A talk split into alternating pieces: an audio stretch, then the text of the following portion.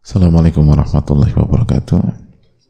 Bismillah, alhamdulillah, wassalatu wassalamu ala rasulillah wa ala alihi wa sahbihi wa man wala wa ba'd. Allahumma inna nas'aluka ilman nafi'a wa na'udzubika min ilmin la yanfa' Hadirin Allah muliakan Alhamdulillah kita panjatkan puji dan syukur kita kepada Allah Tabaraka wa Ta'ala atas nikmat yang Allah berikan kepada kita. Sebagaimana salawat dan salam semoga senantiasa tercurahkan kepada Rasulullah alaihi salatu wassalam beserta para keluarga, para sahabat dan orang-orang yang istiqomah berjalan di bawah naungan sunnah beliau sampai hari kiamat kelak. Dan kita meminta kepada Allah Subhanahu wa taala ilmu yang bermanfaat dan kita minta perlindungan dari Allah dari ilmu yang tidak bermanfaat. Hadirin Allah muliakan kembali bersama Al-Imam Yahya bin Sharaf bin Murri Abu Zakaria atau yang biasa dikenal dengan nama Al-Imam An-Nawawi Asy-Syafi'i rahimahullah. Semoga Allah merahmati beliau, keluarga beliau, orang tua beliau, guru-guru beliau. Dan semoga Allah merahmati seluruh ulama dan umat di mana pun berada. Amin ya rabbal alamin. Dan uh, sebagaimana yang telah kita bahas pada pertemuan yang lalu pentingnya uh, merasa uh, semangat untuk mengetahui sunnah Rasulullah SAW ada keinginan ada ada rasa ingin tahu, rasa ingin tahu yang positif, rasa ingin tahu dan rasa ingin mengamalkan sunnah Rasulullah Sallallahu Alaihi Wasallam.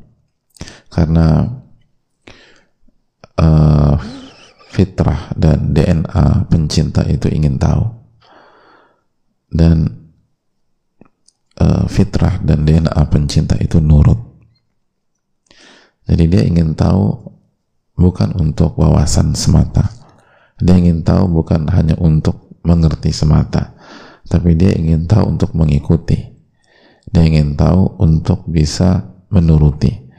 In kana hubbuka sadiqan la ata'tahu innal muhibba liman yuhibbuhu muti'u. Kalau cinta Anda jujur, Anda akan menurutinya. Karena pencinta itu nurut sama yang dicintai. Dan itu uh, hal yang tidak bisa diperdebatkan dan dibantah. Dan itu dimiliki oleh setiap kita. Makanya hadirin sekalian Allah muliakan ketika kita tidak tidak apa tidak uh, mengikuti tuntunan Nabi SAW ini bukan tentang sebatas uh, sebatas uh, malas atau sebatas nggak punya waktu tapi ini tentang cinta. Kalau kita nggak punya kalau kita nggak duduk atau kita tidak mendengar mengkaji sunnah Rasulullah SAW tuntunan Rasulullah SAW ajaran Rasulullah SAW itu bukan sebatas nggak punya waktu. Mungkin kalau satu dua ya berbenturan dengan hal yang lebih urgent. Tapi kalau ini menjadi pola hidup ini menjadi sebuah uh, rutinitas datang cuma sesekali atau duduk di kajian sesekali atau ngikutin misalnya kajian seperti Radu Solihin jadi tidak harus kajian ini tapi kajian-kajian yang mengajarkan Al-Quranul Karim dan Sunnah Nabi SAW itu bolong-bolong dengan rasa ini nggak ada waktu nih ini ya sibuk nih. Bukan sibuk kan ini bukan nggak ada waktu. Tapi ini masalah cinta. Masalah cinta kita akan memprioritaskan apa yang kita lebih cintai. Ketika kita lebih cinta kepada harta, lebih cinta kepada dunia, lebih cinta pada uh, sebuah aktivitas, maka kita akan prioritaskan hal tersebut. Semoga Allah memberikan taufik kepada kita untuk bisa mencintai Allah Subhanahu wa taala dan Rasulnya alaihi salatu wassalam. Dan ini adalah parameter dan tolak ukur. Dan itu yang dimiliki oleh para sahabat radhiyallahu taala anhum, para tabi'in radhiyallahu taala anhum, eh, rahimahumullah, para tabi'ut tabi'in rahimahullahu taala.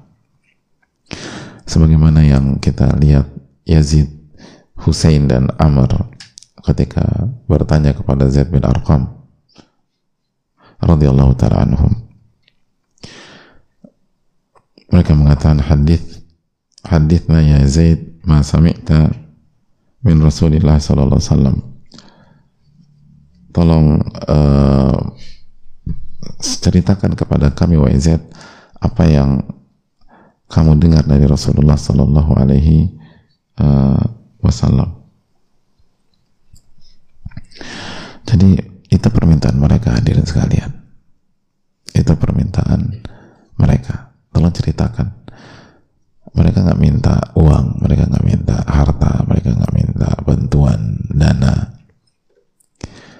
Mereka ingin sunnah Rasulullah Sallallahu Alaihi Wasallam mereka ingin petunjuk dari Rasulullah Sallallahu Alaihi Wasallam. Mereka ingin arahan dari Rasulullah Sallallahu Alaihi Wasallam. Mereka ingin uh, wejangan dari Nabi Wasallam. Nah pertanyaannya bagaimana dengan kita ketika kita ada masalah, itulah. Misal masalah finansial lah gitu. Apakah kita hanya sekedar ingin uang untuk menutupi masalah tersebut atau kita lebih ingin apa sih petunjuk Allah dan Rasulnya salah dalam masalah ini itu apa sih arahan dari Allah Subhanahu Wa Taala dan Rasulnya salam dalam masalah ini apa sih uh, petunjuk Allah dan Rasulnya dalam masalah ini itu yang harusnya kita prioritaskan pertama kali karena yang paling mengerti yang paling mengerti bagaimana menyelesaikan masalah dan bagaimana menyelesaikan kendala-kendala uh, kita adalah Allah dan Rasulnya alaihi salatu wassalam. Jadi hadirin Allah muliakan bagaimana kita menjawab itu dengan benar itu tergantung kesesuaian kita dan kesalahan kita kepada Allah dan Rasulnya alaihi salatu wassalam. Lalu hadirin Allah muliakan kita uh, lanjutkan qala ya bena akhi lalu Zaid bin Arqam menjawab wahai uh, anak dari saudaraku wahai anak dari saudaraku wallahi demi Allah laqad kabir laqad kabirat sinni wa qaduma ahdi wa nasitu ba'd alladhi kuntu a'i min Rasulillah sallallahu alaihi wasallam. Jadi hadirin Allah muliakan Zaid bin Arqam mengatakan bahwa uh, wahai uh, anak dari saudaraku Wallahi demi Allah. Usiaku ini sudah tua sudah tua. Usiaku sudah sudah tua. Sudah lanjut. Wa qaduma ahdi. Dan uh, masa hidupku dengan Rasulullah SAW itu telah lama berlalu sudah lama berlalu. Dan uh, jadi itu udah udah lama berlalu dan ya saya sudah tua dan udah mendekati ajal. Hal-hal tersebut sudah sudah berlalu dengan waktu yang cukup cukup lama. Wa nasitu ladzi kuntu min Rasulillah SAW dan aku uh, pun telah lupa sebagian yang dulu aku ingat dari Rasulullah sallallahu alaihi wasallam. Fama haddathuhu fama fama haddathukum faqbaluh dan apa yang aku uh, sampaikan dari dari kebersamaanku dengan Nabi SAW maka terimalah ambillah wa ma la fala tukallifuni. Adapun yang tidak aku ceritakan maka jangan paksa aku menceritakannya. Jadi aku akan cerita yang aku sampaikan terima tapi kalau uh, aku tidak ceritakan jangan dipancing-pancing jangan dipaksa dan seterusnya hadirin Allah muliakan. Ini pelajaran kehidupan bagi kita. Uh, hendaknya kita uh, memanfaatkan uh, para senior dan expert di dalam kehidupan kita. Khususnya dalam agama tentu saja. Khususnya dalam masalah ilmu. Karena kehidupan itu berjalan. Dan usia itu bertambah. Dan ketika usia bertambah itu uh, banyak hal melemah dalam diri seseorang. Di antaranya daya ingat. Maka manfaatkanlah para senior semaksimal mungkin. Manfaatkanlah orang-orang tua semaksimal mungkin. Manfaatkan apa? bukan manfaatkan dalam konotasi negatif tapi manfaatkan pengalaman mereka manfaatkan ilmu mereka. Tanya. Minta arahan minta masukan. Sebelum sebelum sebelum mereka wafat atau kita wafat tentu saja atau bagi mereka nggak wafat tapi melemah dan nggak bisa nggak bisa diajak komunikasi. Nggak bisa menyampaikan. Nggak bisa diajak bicara atau lupa dengan apa yang yang mereka sebelumnya ketahui. Atau misalnya ada yang kena stroke udah bisa itu hilang memorinya.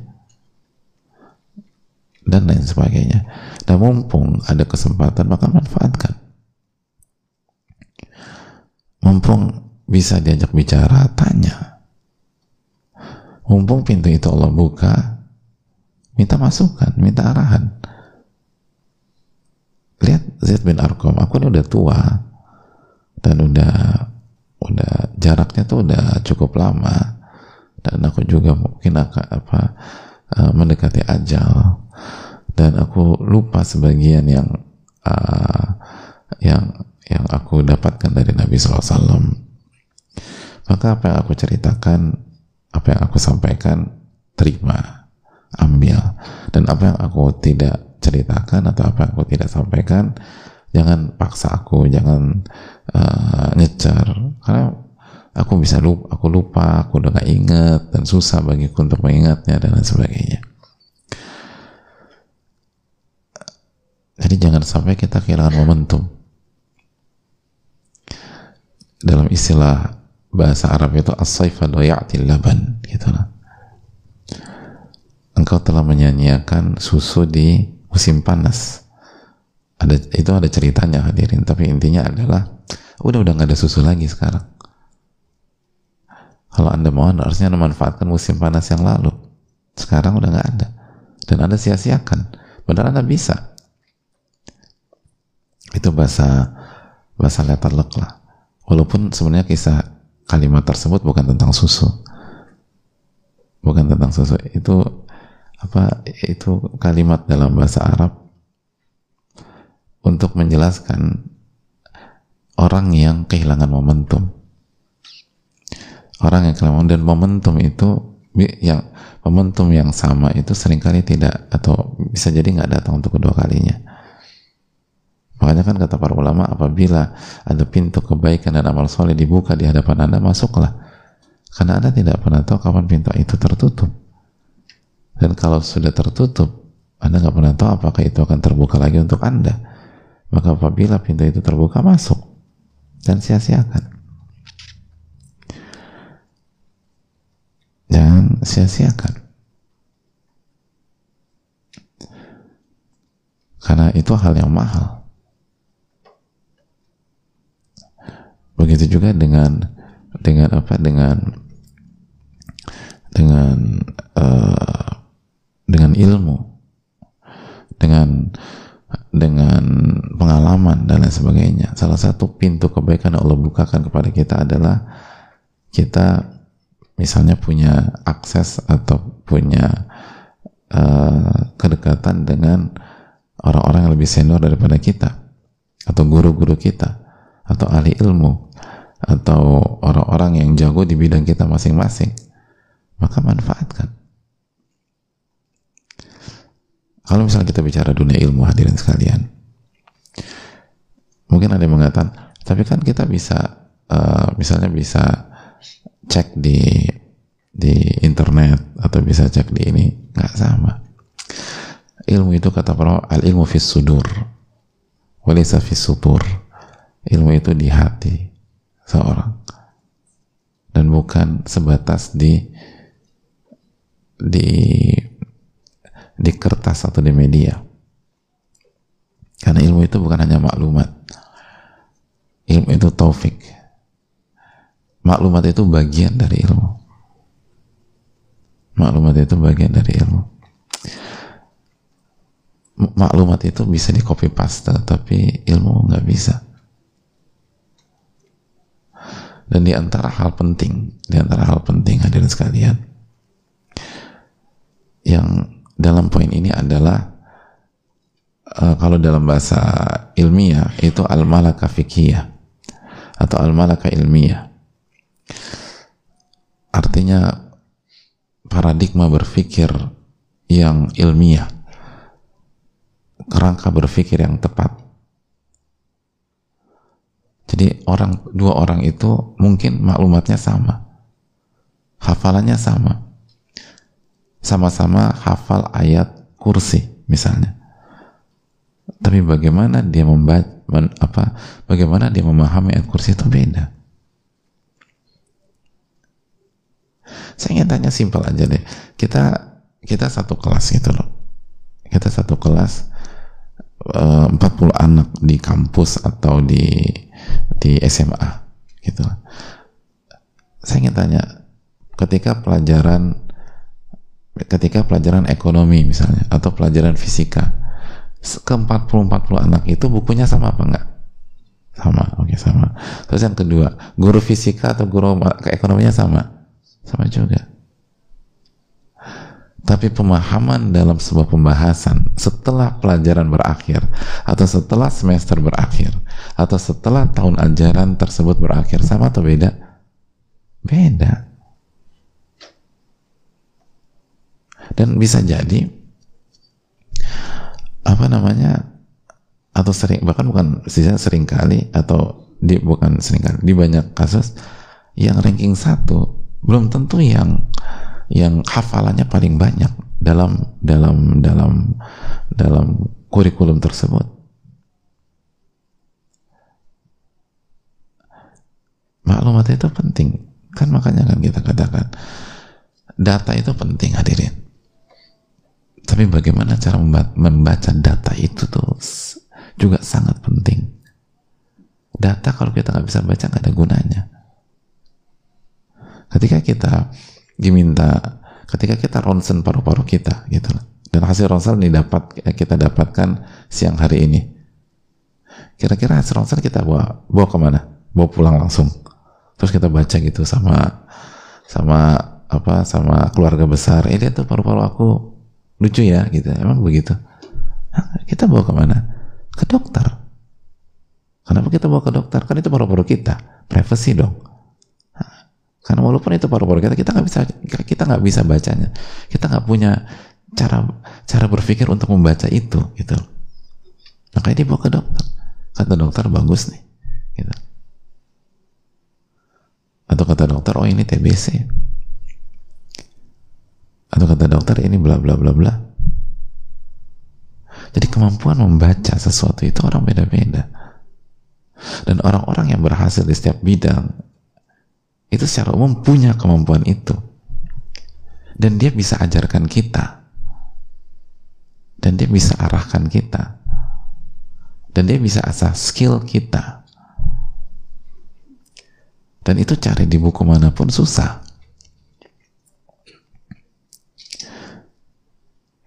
karena sekali lagi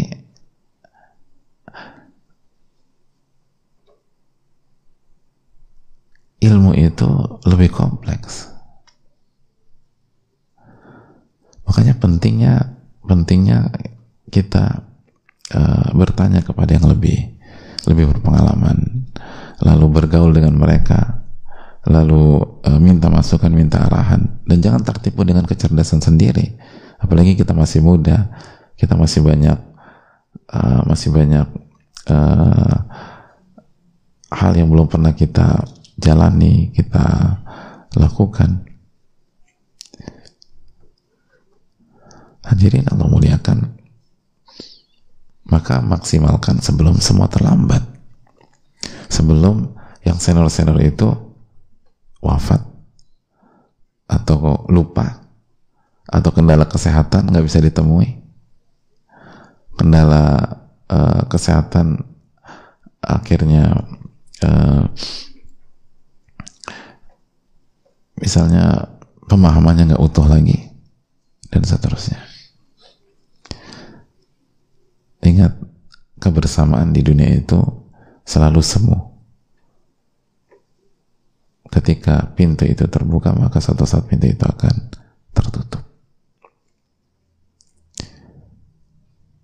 maka maksimalkan. Di mana ada pertemuan di situ ada perpisahan. Manfaatkan sebaik-baiknya. Gitu. Dan ini mahal gitu. Dan ini hal yang perlu kita camkan. Dan ini lagi-lagi kita belajar ilmu kehidupan dari dari hadis-hadis Nabi kita Sallallahu Alaihi Wasallam. Saya rasa cukup sampai di sini. Semoga bermanfaat bagi kita. Assalamualaikum warahmatullahi wabarakatuh. Karunia Allah bagi yang bersedekah siang dan malam. Ada karunia besar saat kita berusaha memaksimalkan sedekah baik di siang maupun malam hari demi meraih ridha Allah, yakni pahala sedekah tersebut tersimpan di sisi Allah Ta'ala dan akan kita terima kelak di akhirat. Sahabat, teruslah berjuang untuk bersedekah untuk kebahagiaan dan kebaikan diri di dunia dan akhirat. Sedekah kita insya Allah juga dapat menjadi sebab mendapatkan pertolongan, kemenangan, dan rezeki dari Allah Ta'ala. Mulailah bersedekah dari lingkungan terdekat hingga saudara yang jauh. Insya Allah, kita juga bisa bersedekah melalui program ragam aktivitas kebaikan Muhajir Project Peduli yang insya Allah bermanfaat. Semoga Allah memberkahi dan memberikan kebahagiaan di dunia dan akhirat. Amin. Raihlah kebaikan dan pahala bersedekah. Salurkan sedekah terbaik kita melalui CIMB Niaga Syariah 8600 1178 5800 atas nama Muhajir Peduli Indonesia.